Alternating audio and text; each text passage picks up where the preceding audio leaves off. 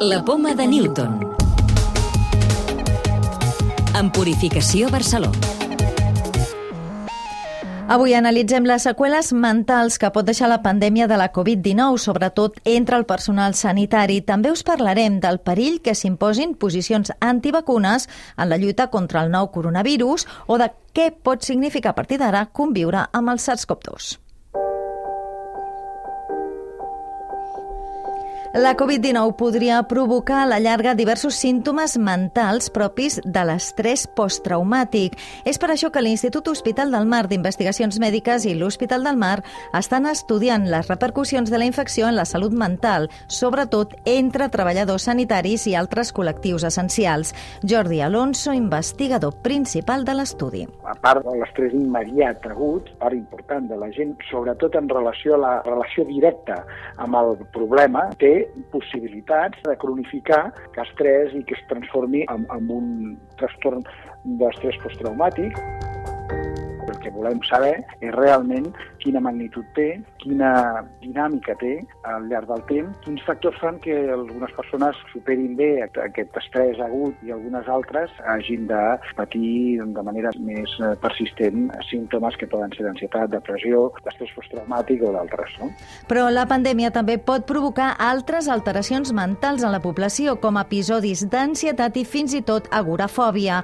Montserrat Lacalle, professora col·laboradora de Psicologia a la Universitat Oberta de Catalunya. Catalunya. Hi ha casos d'agorafòbia ja no només d'aquest diagnòstic específic, sinó de quadres d'ansietat més en general. Persones que manifesten fòbies concretes o que tenen fins i tot doncs, alguns comportaments una mica obsessivo-compulsius. No parlaríem només del quadre d'agorafòbia típic, sinó d'altres trastorns d'ansietat que es van manifestant de manera més puntual. Altres trastorns serien depressió, insomni i sensació de soledat. El consell és intentar superar la por de manera progressiva i, si cal, demanar consell professional. Més coses. Els experts alerten del perill que els col·lectius antivacunes aconsegueixin frenar la vacunació massiva necessària per lluitar contra la Covid-19. Xavier Bosch, investigador de l'Institut Català d'Oncologia i professor de la Universitat Oberta de Catalunya, defensa que la vacunació massiva serà bàsica en la lluita contra la pandèmia i recorda quina seria la nostra situació ara si no fos per les vacunes si no tinguéssim cap altra vacuna i tinguéssim els casos de polio i tinguéssim els casos de sarampió i tinguéssim els tètanos i tinguéssim les varoles, doncs aquest món seria un món amb una esperança de vida com era fa 100 anys, que eren esperances de vida de 30-40 anys. Conviure amb el nou coronavirus vol dir que no hem de descartar que puguin caldre en el futur nous confinaments, com el del Segrià o el de l'àrea de Barcelona. És l'opinió de l'investigador Salvador Massip, professor de la Universitat de Leicester, al Regne Unit, i de la Universitat Oberta de Catalunya. El primer és detectar els casos molt ràpidament, fer tantes poc proves com faci falta, i llavors, si cal, a tornar a confinaments, si més no, primer, a aïllar les persones, quarantenes, seguir els contactes, això és el que s'ha fet, i si això no és suficient, per confinar una zona concreta. I un equip d'investigadors investigadors del CSIC treballa per produir nanoanticossos contra la Covid-19 basats en el sistema immunat dels dromedaris. Els dromedaris i les llames produeixen un tipus d'anticossos especials capaços de reconèixer i atacar amb més celeritat el virus. Es tracta de nanoanticossos amb seqüències molt similars a les dels humans i que per això es poden fer servir directament en teràpies sense generar rebuig. Llibres de ciència. Aquesta setmana us convidem a repassar les principals infeccions que poden posar en risc la humanitat. Les resumeix en el seu llibre Pandèmia la periodista d'investigació Sònia Shah. Ens explica com han sorgit infeccions com el còlera, l'ebola, el virus del Nil Occidental, la SARS o la varola dels micos. La seva tesi és que sempre hi ha hagut un factor humà en la propagació d'aquests microbis.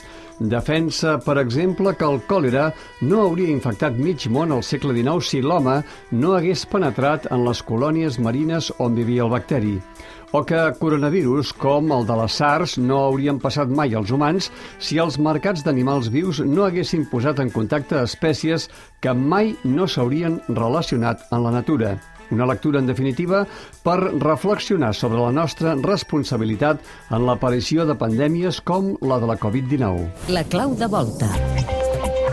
Quina és la millor tècnica per detectar el nou coronavirus? Laura Lechuga, investigadora de l'Institut de Nanociència i Nanotecnologia de Catalunya. La técnica más ventajosa es la que se basa en detectar el virus completo mediante sus antígenos. Lo que se utiliza es una proteína específica, en este caso un anticuerpo. Se puede hacer directamente en la muestra del paciente sin necesidad de trasladar estas muestras a un laboratorio centralizado, sin necesidad de técnicos especializados y sin necesidad de mucho tiempo de análisis. Además, cuantifica cuál es el número de virus presente en el paciente, lo cual es muy interesante para saber cuál sería el tratamiento más adecuado para dicho paciente.